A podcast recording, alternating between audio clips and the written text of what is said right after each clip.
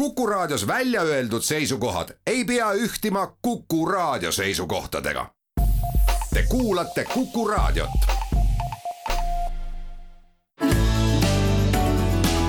keskpäevatund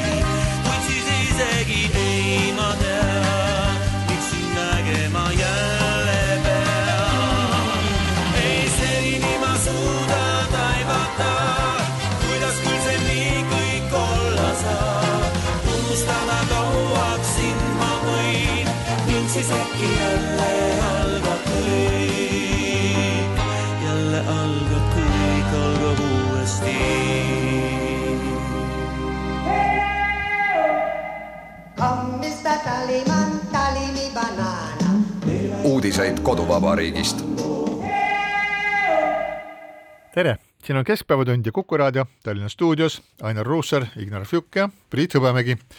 Pearu Paulus laulis meile selle tuntud loo Jälle algab kõik ja eks kõik said aru, et mis asi siis jälle algab. algab uus valitsemise ja võimu näitamise hooaeg ja Toompeal koguneb peagi uus Riigikogu. ja järjekorras on see siis viieteistkümnes koosseis, aga kahekümne viies koosseis, vabandust, viieteistkümnes koosseis, liiga palju üksi, liiga palju veesid, nii, viieteistkümnes Riigikogu koosseis. Ja meenutame seda, et sada aastat tagasi oli meil Riigikohtu mitmes esimene koosseis, sellega ma ei eksinud. ja see läks laiali selle tõttu, et rahvaküsitluse tulemused näitasid, et suurem osa rahvast on vastu esimese Riigikogu plaanile muuta algkooliseadust nii, et usuõpetust algkoolis enam ei õpetataks. ja ka praegu saab rahvaalgatuse liinis siis Riigikogule teha mitmesuguseid ettepanekuid, mis ei ole küll siduvad, aga on nõuandvad ja selleks on vaja siis selline algatus algatada ja teatud äh, allkirjade arvust alates muutub see Riigikogule kohustuslikuks aruteluks ja ütleme nii, et äh, kui tõmmata mingisuguseid paralleele veel esimese ja viieteistkümnenda Riigikogu vahel, siis võib öelda, et samasugust katalüsaatori rolli võib mängida näiteks abieluvõrdsuse temaatika, kuigi rohkem seda punkti, mille põhjal Riigikogu esimene koosseis tagasi astus, pole Eesti Vabariigi ajaloos enam arutatud, aga meie läheme siis uue Riigikogu koosseisu valitsuskoalitsiooni, ministrite nimekirjade, uute ministeeriumite, valitsemisreformi ja kõikide nende muude detailide juurde, mis meid siin kuude kaupa veel paeluvad. ütlen su eelmise mõtte lõpetuseks, et äh, seaduses on kirjas ka selline asi nagu kollektiivne pöördumine, ehk siis tuhat inimest, kes on andnud oma allkirja kas paberil või digitaalselt, saavad teha Riigikogule kollektiivse pöördumise, arutada või muuta mingit seaduseelnõud,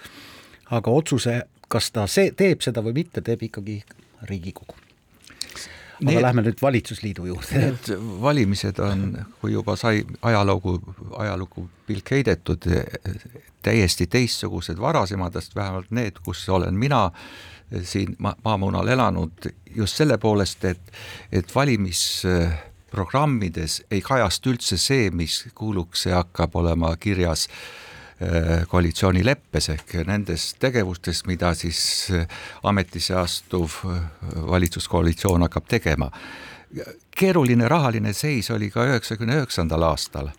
ja keeruline oli ka peale kriisi kahe tuhande seitsmendal aastal, aga neid valimisi iseloomustas ikkagi nii-öelda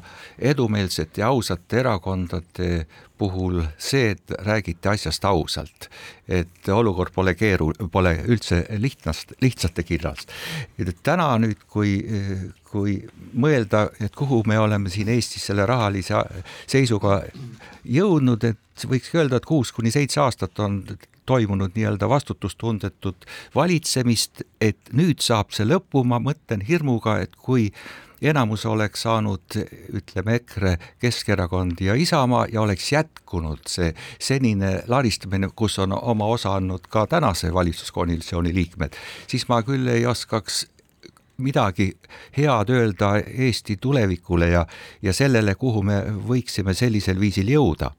aga, aga see, et, et nüüd lõpuks on osatud või tahetud rääkida asjadest nii, nagu nad on, see on kiiduväärt ja seetõttu ma arvan, et, et Eestit ei oota ees kõige halvemad ajad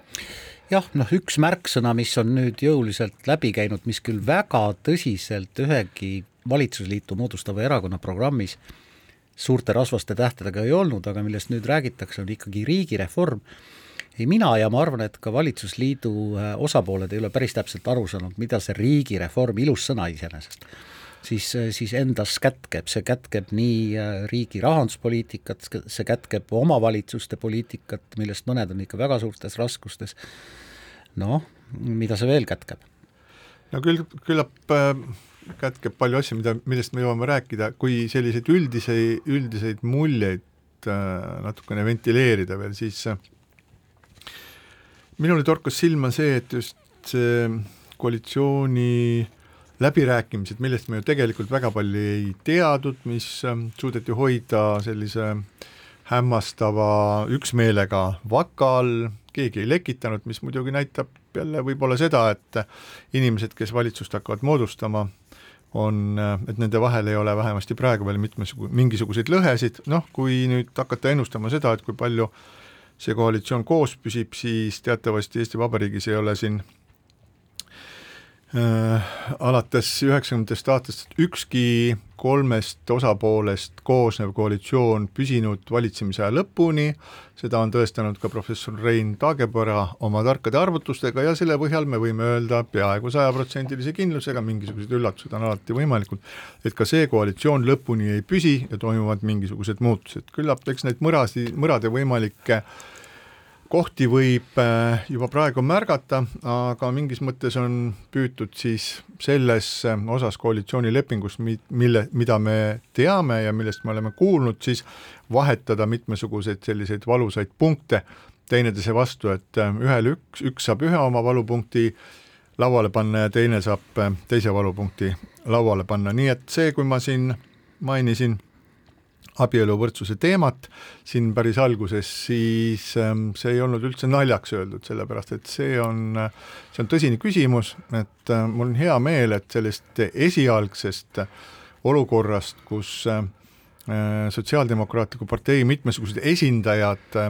astusid välja selliste seisukohtadega, nüüd on see hetk käes, nüüd teeme ära, nüüd ei tehe, ei tohi enam jokutada, nüüd tuleb jõuga peale suruda, et saame selle asja lõpuks ometi tehtud, siis äh, eks me oleme siin Eesti Vabariigis ju seda näinud, kuhu viib lõppkokkuvõttes see, kui rahvast hakatakse kõrvupidi helgemasse tulevikku venitama. Ja äh, tõenäoliselt seisab ka selle abieluvõrdsuse teel veel mitmesuguseid karisid, alguses olid ju sellised nagu lihtsamad või mitte lihtsamad, aga teistsugused plaanid, kuidas seda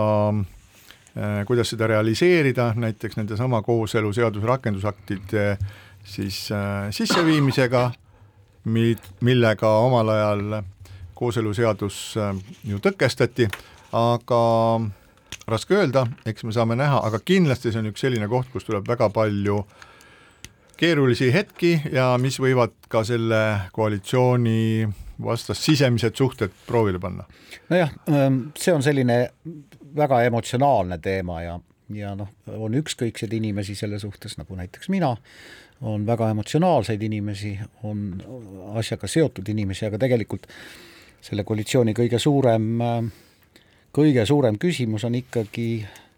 kust tuleb raha ja kuhu see panna. ja seda nüüd mitte keegi enam ka ei eita, räägitakse tõepoolest umbes miljardist eurost, see on meie saates ka läbi käinud, aga maksureformid on kõige keerulisem osa sellest leppest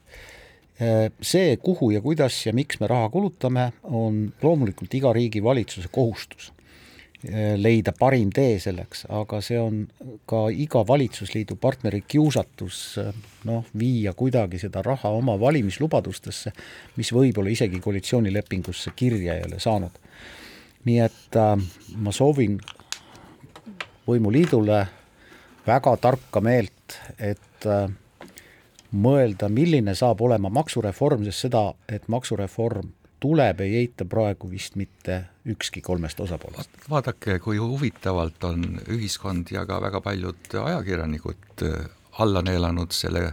konksu või sööda, mis valimisprogrammides oli, mis üldiselt ju sõnalises tekstis ei, ei väljendanud mingisugust taotlust tõsta mingisuguseid makse või neid üldse üle vaadata. Ja ma olen mõelnud, et et juhul, kui nüüd oleks valimispäeval, viiendal märtsil olnud valijate ees see koalitsioonilepe, mis on nüüd sõlmitud, et huvitav, kuidas siis oleks hääled kujunenud ja kas see on nii-öelda sellele valitsusele ja sellele koalitsioonile ja sellele Riigikogule nagu aus algus, et siin on nagu midagi ole, olemuslikult viltu, aga ilmselt on see ühiskond, kus on lepitud sellega, et erakondade rahastamises võib lõviosa sellest rahast minna valimiskampaaniale, kus siis lihtsalt valijad ostetakse ära, selle resultaat. aga, aga nüüd proovime sellele asjale vaadata ka mingisugusest positiivsest vaatest või anda talle nagu positiivne soovitus oleks see, et et lõpeks see nii-öelda silotornide põhine valitsemine, kus iga minister nagu võitleb ainult enda huvide või oma valdkonna huvide eest, vaatamata Eestile kui tervikule. aga mina saan aru, et, et üldse, kui valitsuskoalitsioon või valitsus moodustada, siis tema peaks lähtuma ühistest väärtustest, sellest ma saan aru, et sellel kolmel osapoolel see ühiste väärtuste osa on noh, väga suur, kollegiaalsusest peab sõltuma ja Eesti ühes, ühistest huvidest ja hüvest, ei millestki muust. nii et selline ministrite ja erakondade ulti-, ultimatiivne eh, valitsuses osalemine, nagu me nägime, oli eelmises valitsuses, kus peretoetusi nii-öelda pressiti välja, vastasel juhul ähvardati teise valitsuskoalitsiooniga, et see peaks jääma minevikku. ja teine asi, mida ma tahaks öelda, on see, et, et ma loodan, et, et koalitsioonileppest, mis on igati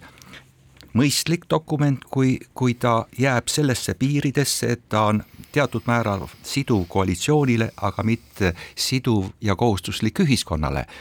ta võib olla seda ainult sedavõrd, kui ta tugineb valimistel saadud mandaadile, kõiges muus ta on lihtsalt nii-öelda koostöö ja hea tava paber, mis antud juhul on siis ka kirja pandud. et, et pigem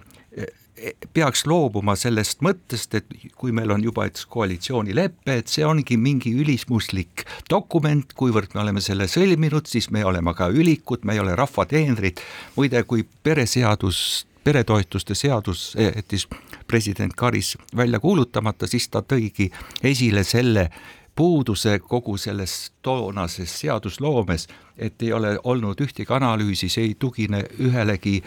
nii-öelda ühiskonnas asjaga puudutud eh, kihtide kaasamist, vaid ainult ainsas argumendis, et vaadake, see on meil koalitsioonilepingus, see on nonsense. koalitsioonileping sellisena ei oma mitte mingisugust legitiimsust. koalitsioon ongi demokraatlikus ühiskonnas erakondade ajutine liit ja see, milles nad omavahel kokku lepivad, on, on avalik dokument mina julgen seda küll dokumendiks nimetada, mis siis, et seda koalitsioonilepingut ei kiideta heaks rahvaesinduskogus ehk Riigikogus. aga ma tulen selle juurde tagasi, et tegelikult maksureform ehk käibemaksu tõus ja kohalike omavalitsuste reformimine on väga-väga tõsine teema ja mulle jäi silma, kui ka koalitsioonileppes ja koalitsioonipartnerid räägivad väga palju sellest, kuidas kohalikke omavalitsusi tuleb keda järgi aidata, kuna tööpuudus kasvab ja kohalikud maksud mõnes omavalitsuses ei laeku nii, nagu on loodetud, siis noh, vaatame Kohtla-Järve näite peale. Äh, loen ajalehest, et Kohtla-Järve volikogu määras korruptsioonikuritegudes saadud kahtlustuste tõttu umbusaldatud endisele abilinnapeale poole aasta palgasuuruse hüvitise. samas seesama Kohtla-Järve volikogu peab kokku hoidma kuskil seitsesada tuhat, äh, vabandust, kuskil miljon või rohkem eurot, lõpetatakse ära lasteaedade renoveerimised rahapuudusel ja, ja nii edasi, nii edasi, nii et tegelikult kohalikele omavalitsuste puhul on äh, teha küll ja veel ehk siis äh, et on veel teha? jah, paraku on jah ja., sest et kui on omavalitsusi, kus rahvastik on vananenud, äh, äh, kus töötajate arv ei kasva, vaid pigem kahaneb, mistõttu kahaneb ka see maksuosa, mis läheb kohalikule omavalitsusele, kahaneb, siis on see tõsine probleem. vaata, Aimar, sa nüüd tõid esile selle Kohtla-Järve näite, kus nad see on üks näide viimaseid näiteid. jaa, aga et nad olukorras, kus neil on rahapõud ja nad ei saa finantseerida vajalikke ka püsikulusid, et et nad on nüüd just nagu sellises positsioonis, et vaadake, keskvalitsus peaks hakkama neid nüüd toetama. ma arvan, et see nii-öelda muutus igasuguses hoiakutes ja suhtumises ja ka suhtumises omavalitsustesse peaks sisaldama, ma ei tea, milline on see ettepanek, aga mõõdet selle kohta, kui ikkagi kuskil omavalitsuses on asjad nii käest ära, nagu Kohtla-Järvel, siis teda ei saa viia ühele pulgale nendega, keda sa mainisid, kus maksud ei laeku või kus maksude eh, eh, nii-öelda fookus on üldse seni Eestis vale olnud, et ta ei toeta neid tegevusi või programme, mis siis tooksid kohalikku omavalitsusse makse. et mismoodi seda teha, ma ei tea, kuid üks on küll kindel, et nüüd need maksureform, mis väga mitmes positsioonis tehakse, võiks arvestada rohkem regionaalset aspekti. seni on käsitletud makse Eestis nii-öelda ühetaolistena kogu territooriumile, sõltumata, kas on tegemist Tallinna kuldse ringi või Kagu- või Ida-Eesti omavalitsustega, kus nii-öelda maksu laekumised ja nii-öelda hakkamasaamine on täiesti pöördvõrdes või et, et siin peaks olema alati käsitletud edaspidi see regionaalne aspekt. no siin on kaks, kaks põhimõtteliselt võimalikku lahendamist, lahendust, et kas me pisikeses Eestis vaatame kohalikke omavalitsusi ja neile seatud kohustusi, ülesandeid kõigile ühtviisi, koolid, teed ja mis iganes, toimetulekutoetused, või me hakkame tegema eristusi, mis on minu meelest väga ohtlik, kui me hakkame eristama, teeme er, Ida-Virumaale mingisuguse eristaatuse, sellepärast et seal on töökohtade kaotus, rohepööre tähendab väga palju ümberõpet ja nii edasi, nii edasi, ehk siis äh, mina ei tea, aga Eesti on ikkagi piisavalt väike riik, et tegelikult võiksid need kohalikele omavalitsustele seatud, seadusega seatud ülesanded ja kohustused olla kõigile ühesugused, vot kuidas seda nüüd lahendada, kas läbi riiklike toetuste nendele omavalitsustele, mis on pankrotis või pankroti äärel, neid juh-, juhtumeid on Eestis olnud, Kallaste tuleb meelde, neid oli teisigi, kes olid tegelikult pankroti äärel ja keda riik välja aitas, või mingil muul moel, noh, võta kinni, kuidas. Mõned omavalitsused ägavad ka selle all, et Ukraina sõjapõgenikele makstav toetus on, on päris suur koormus nende eelarvel, ma ei räägi Tallinnast ega Tartust, aga on ka Maardu, on ka Viru-Nigula, kes on avel-, avalikult tunnistanud, et noh, nad peavad maksma põgenikele toetust, osa sellest tuleb nende eelarvest, aga see on neile päris suur koormus. nüüd Kohtla-Järvest rääkides ma olen nõus, et see Äh, endisele abilinnapeale makstav kolmkümmend tuhat eurot ei aita seda, seda linnakassat kuidagi edasi ega võta seda ka vähemaks. aga kui neid kolmekümne tuhandesi asju ja ametnike arvu eh, kokku mõõta, ma ei räägi ainult Kohtla-Järvest, siis ilmselt on siin kohta küll, kus nagu riigireformiga algust teha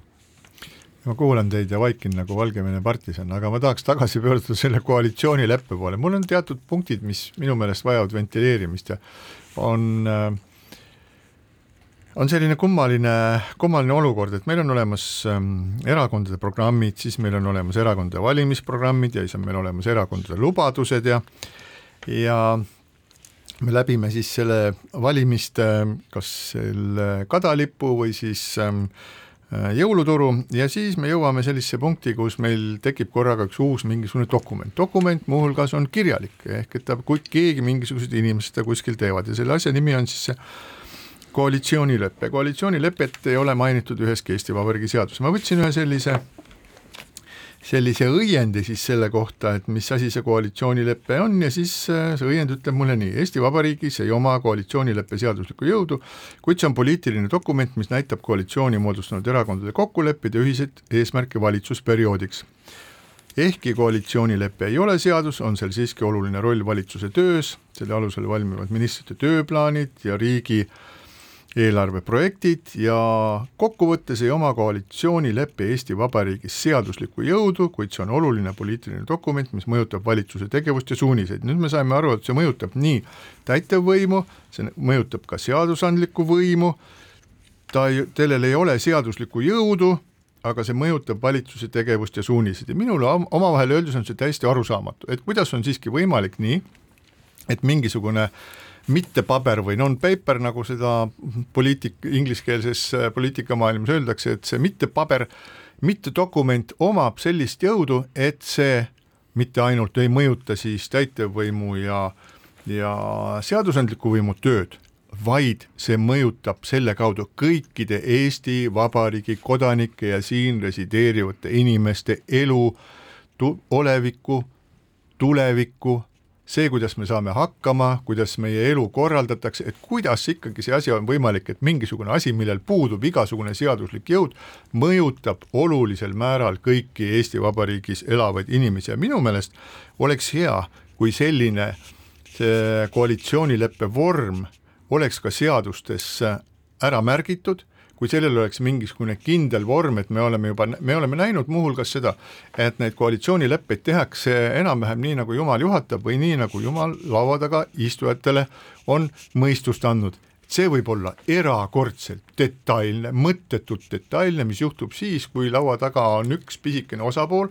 kes tajub oma jõudu ja kes surub sisse oma sellised ähm, detailsed soovid, vastasel korral ähvardades minna teise koalitsiooni või siis, kui tegu on nii-öelda äh, võib-olla võrdväärsete partneritega ja sellistega, kellel äh, nagu väiklust on hinges vähem, aga kes suudavad leppida kokku mingisuguse raamistiku, aga minu meelest on oluline see, et see Riigikogu võtaks muuhulgas ette ka selle asja, et koalitsioonileping oleks Eesti Vabariigi seadustes fikseeritud, sest nagu need kaks erinevat näidet, mis ma tõin, need näitavad seda, et sõltuvalt osapooltest võib koalitsiooni lepingusse sattuda mida iganes. Ja ma ei usu, et me tahaksime seda riigina. Nojah, aga kõik see, mis koalitsioonilepingus kirjas on ja kokku lepitud on, peab ju vastama ka seadustele, üldiselt vastab ka, ehk siis ükskõik, milles on kokku lepitud, see peab olema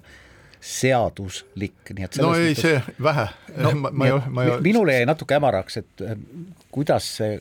et sa mõtled, et koalitsioonilepe kui termin, kui, kui mingisugune lepingu tal peab olema vorm, mingi vorm, ta peab peab, peab olema seadustatud. selle, jah, selle loojad peavad vast-, selle loojad peavad selle loomise eest äh, mingil teatud moel äh, siis vastut-, ehk siis kui nad ei täida seda ei, ma ei mõtle seda, et selle, selle, et nad ei pane sinna, praegu sa võid sinna panna mida iganes no, sa võid vaata, sinna panna mida iganes siis. ma arvan, et eh, see, kui me asja seadusesse paneme, siis see eh, ei muuda mingilgi määral eh, selle lepingu võimalikku kvaliteeti, sest nagu me teame, selle koostamiseks on aeg napp kusjuures Eesti puhul on see olnud eriti koomiline, käib nagu võistlus, milline koalitsioon, millisel, milliste valimiste järel saab selle kiiremini kokku panna, siis raporteerimaks stahanovlikul kombel, et vaadake, kui tublid me oleme, vaadake, kui kiired me oleme, järelikult me oleme teie, teie üli, ülemad. lepe peab olema loov, innustav, kaasav ja võimalikult laiale diskussioonile eh, kaasav kogu ühiskonda ja selleks avatud ja, ja, ja kusjuures eh, mis on kõige olulisem, et ta peaks andma ainult nii-öelda poliitilised sihid, mitte olema detailne, käsitlema detaile, sest iga päev toob äh, uusi olukordi, viimastel aastatel on üks kriis ajanud taga teist. Ja kui nüüd mõelda, et mingi mingi väga täpne formuleering või, või, või arv on koalitsioonileppes, siis ta saab takistuseks arengule ja sellisena on ta mõttetu, aga kui me seadustaksime selle leppe, siis see nii-öelda nonsense, mis sinna võib sisse sattuda, saab sellega nagu seaduse jõu, tähendab, keegi ei suuda kaitsta äh, kiiresti tehtud kokkuleppeid nii-öelda eksimuste eest. nii et ta peaks olema avatud dokument ja nagu ma juba eelpool ütlesin, et ta on mingil määral siduv koalitsioonile, kuid täiesti mitte siduv ühiskonnale ja näiteks need näiteid, kus on ministeeriumide ametnikud kurtnud, et näed, minister ütles, et seda tuleb teha, sest see on koalitsioonilepingus, see on lubamatu, see minister peaks päevapealt tagasi astuma. jah ma jään ikka selle juurde, mis ma ütlesin, ma tahaksin, et see oleks, et see on poliitiline dokument, loomulikult see ei ole mingisugune sa ei väsi dokument. sellest? ma, ma ei kujuta ette, kuidas ma ei, ma ei väsi, minu meelest see on nagu probleem, aga ma ei taha nagu seda diskussiooni siin nagu kauem selle kallal äh, kinni pidada. ma ütlen ainult nii palju, et ma, ma ei kujuta ette, kuidas koalitsioonileping, äh, mis sõnastuses ta seaduses peaks olema, sest meil on ka valitsusi, mis on kestnud äh, natuke alla kahe ööpäeva. ja siinkohal väike paus keskpäevatund. keskpäevatund jätkab, Ainar Ruussaar, Ignar Fjuk ja Priit Hõbemägi ja Ignaril oli veel paar sõna selle teema juurde. jah, ma tahaksin anda veel ühe hea soovituse eh, valitsuskoalitsioonile ja Riigikogule tervikuna kuivõrd loodaval koalitsioonil on väga suur enamus ja kusjuures ei näi ka tekkivat ühtselt tegutsevat opositsiooni, siis koalitsioon peaks maksimaalselt kaasama opositsioonierakondi, samuti ka ühiskonda, ka neis küsimustes, milles näib läbi koalitsioonileppe olevat partnerite vahel üksmeel. ja ju veel kord nagu põikega tulla tagasi koalitsioonileppe kui sellise juurde, siis ma tooksin lihtsalt selle näite, kuidas toimub näiteks Põhjariikides, kuid ka mitte ainult, ka Hollandis, Belgias valitsemine, kus on vähemusvalitsused reegliks, mitte erandiks. ja seal toimub kogu tegevus ühelt poolt äh, koalitsioonisiseselt, mis on vähemusvalitsus, kus on teatud asjades kokku lepitud, aga lepingulisel tasandil nende samade äh, konkreetsete lepingutega erinevate opositsioonierakondadega vastavalt sellele, milline teema ühele või teisele opositsioonierakonnale on südamelähedane, lepitakse kokku, et koalitsioon arvestab sellega, kutsub neil teemadel läbirääkimistele ja viib nii-öelda kõik muud reformid ka läbi nende nii-öelda opositsioonierakondade toel. et seda nimetatakse lepinguliseks parlamentarismiks ja ilma paberil kirja panduta ei oleks see võimalik, aga see ei ole ka seal kuskil institutsionaliseeritud. see on kõik nii-öelda hea tava raames. jah, sinu poolt mainitud vähemusvalitsus ei ole ju midagi erakordset, ei ole midagi erakordselt ka ka olnud Eesti ähm, taasiseseisvunud Eesti poliitikas, noh, seal on omad reeglid, aga aga vähemusvalitsuste puhul on nii, et kui Riigikogu enamus kiidab vähemusvalitsuse mõne otsuse, ettepaneku või eelnõu heaks, siis sellel on vaata et rohkemgi kandepinda kui istuval koalitsioonil. täpselt. aga läheme nüüd äh,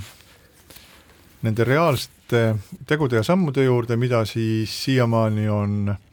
jõutud ära teha pärast äh, valimisi ja see, mida me oleme täna siis juba keskpäevaks teada saanud, on see, et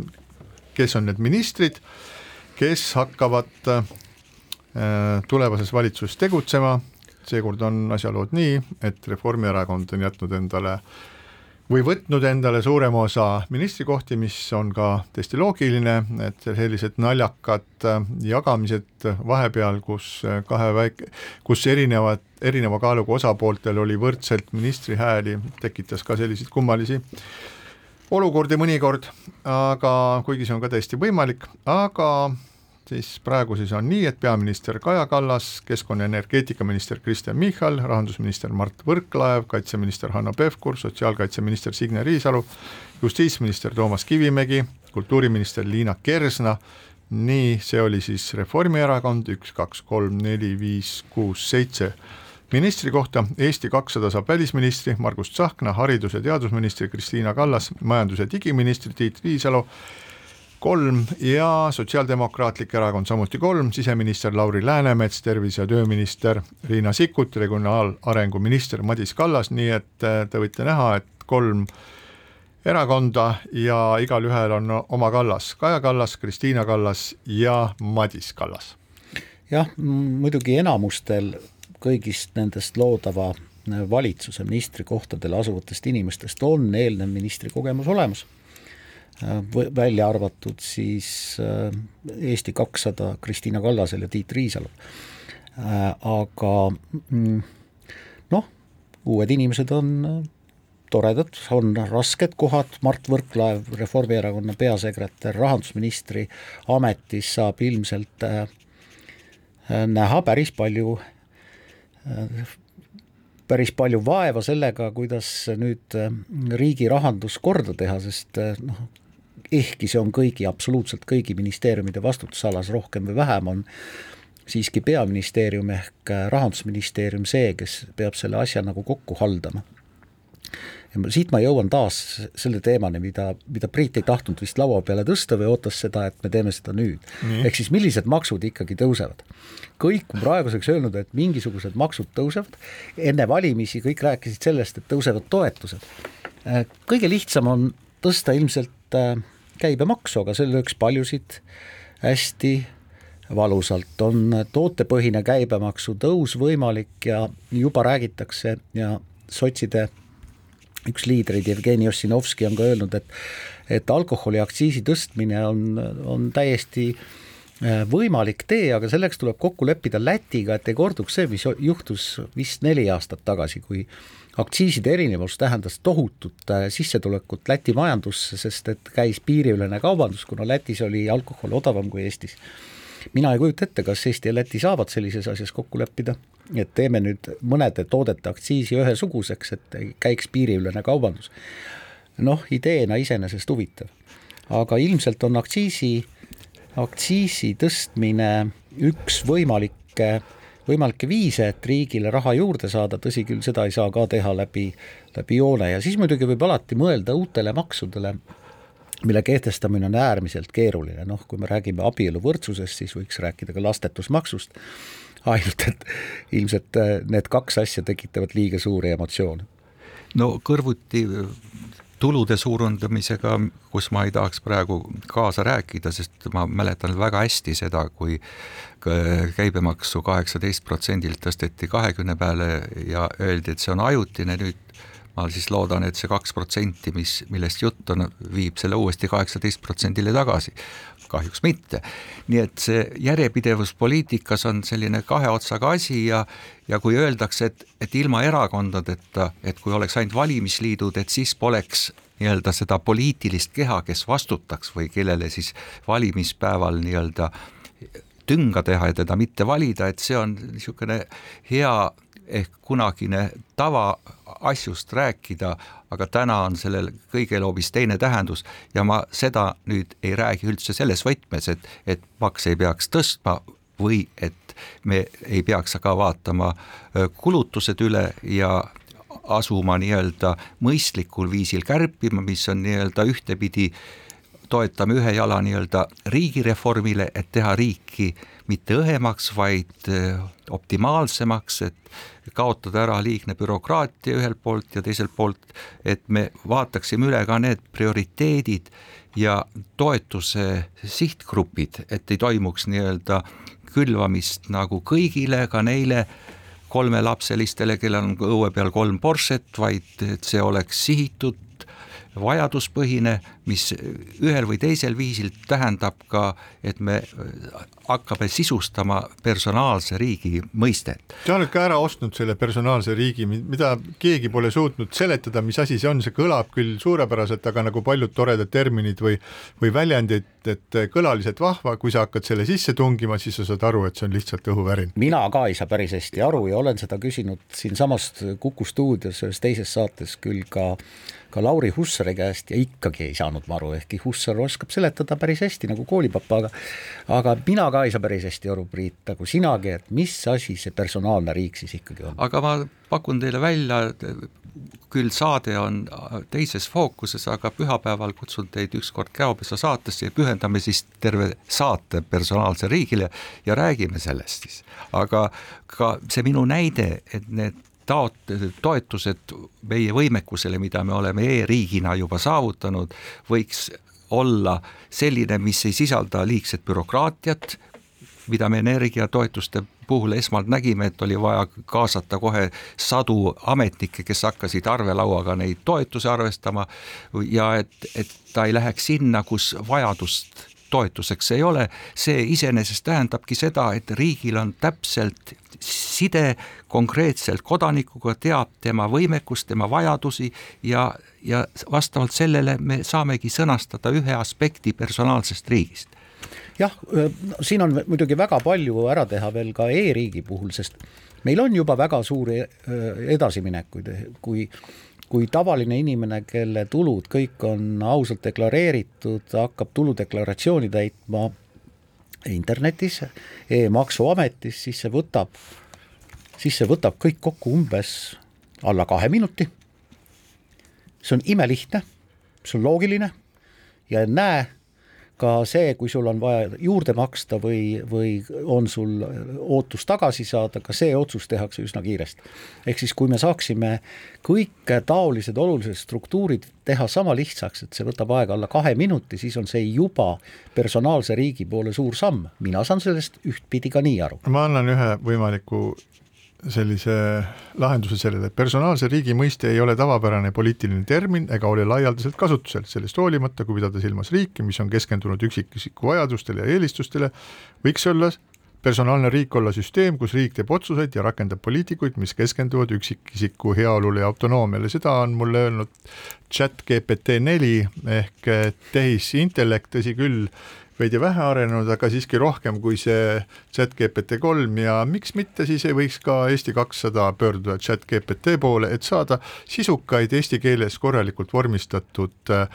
definitsioonide selgitusi, millest me kõik saaksime aru ja siinkohal väike paus.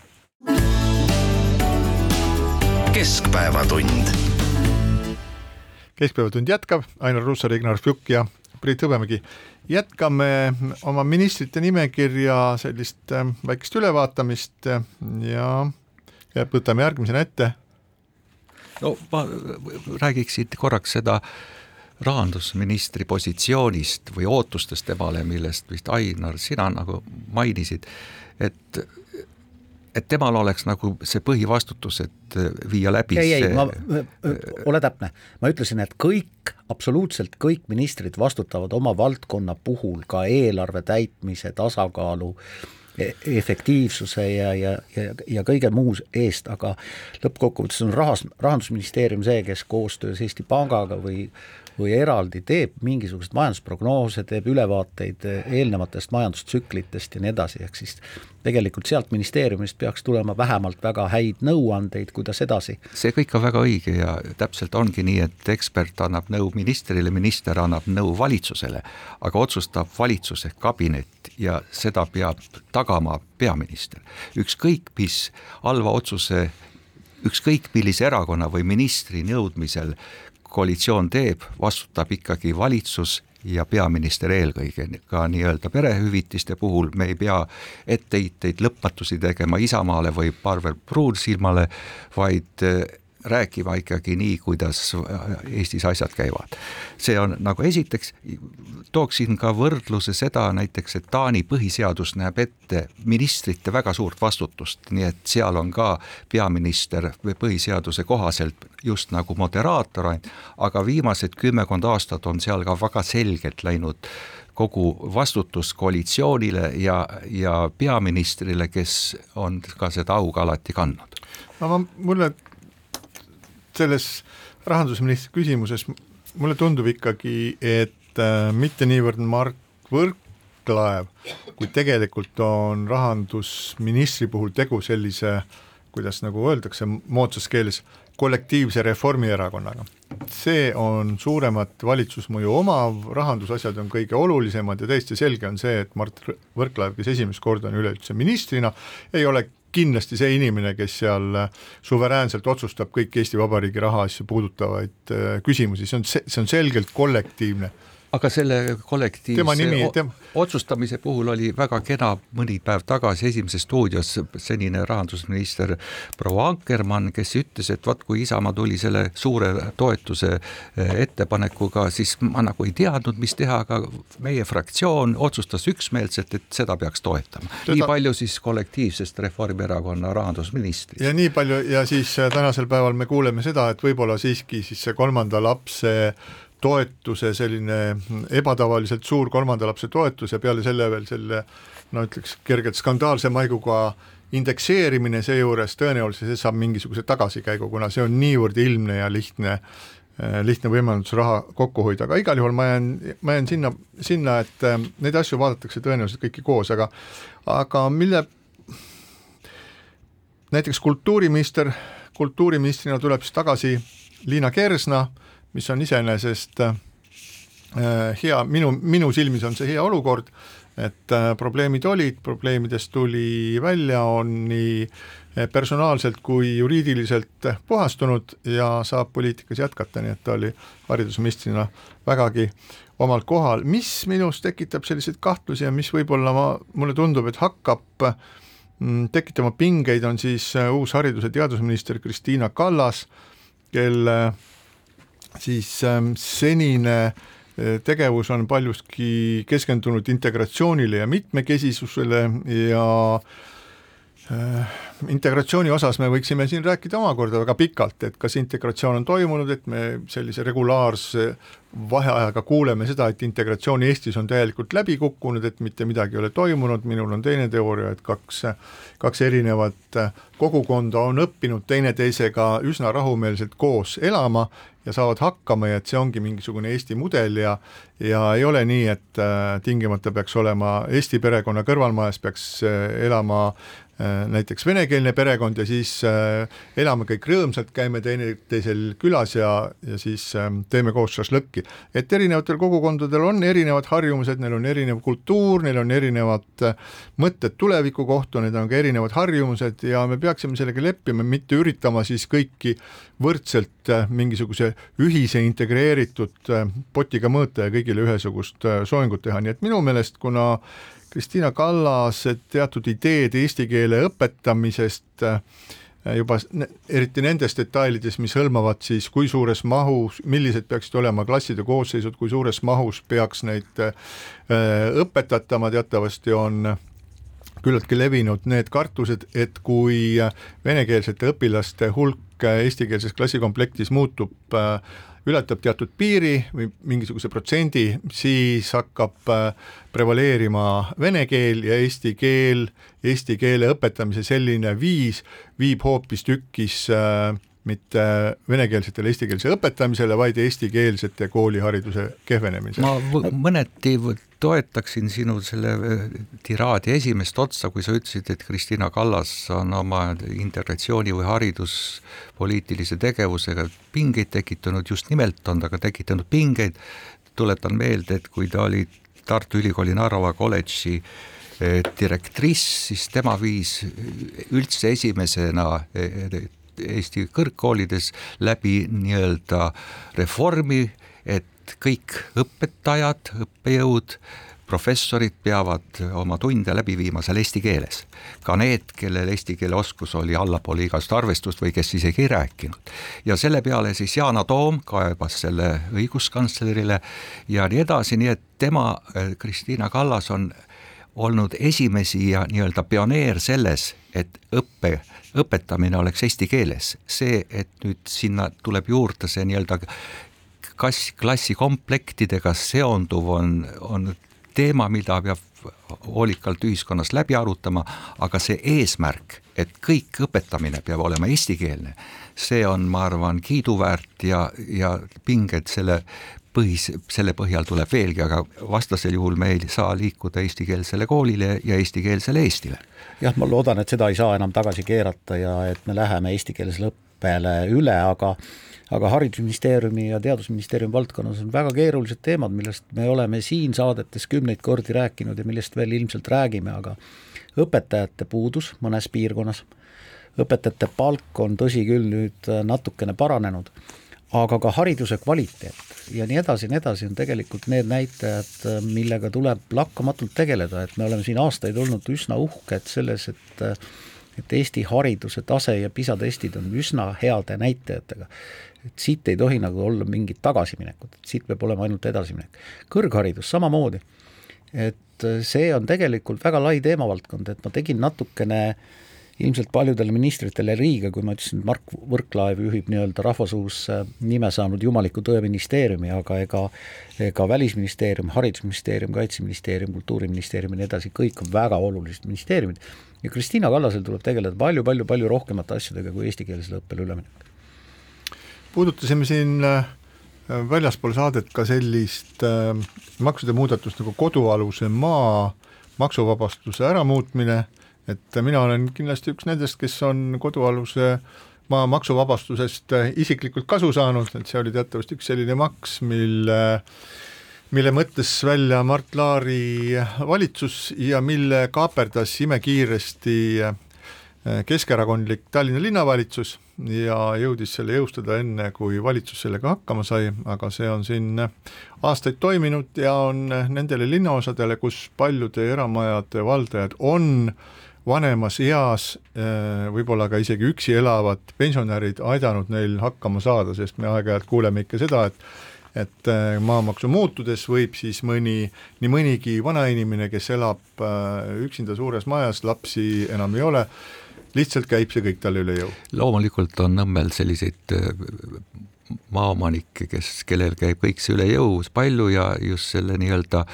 selle maksu arvel või selle eest mujal Euroopas äh, koristatakse lood, pühitakse tänavaid, aga näiteks Piirita, kus on tohutult suured uuselamupiirkonnad, eramuerakonna piir, piirkonnad, kus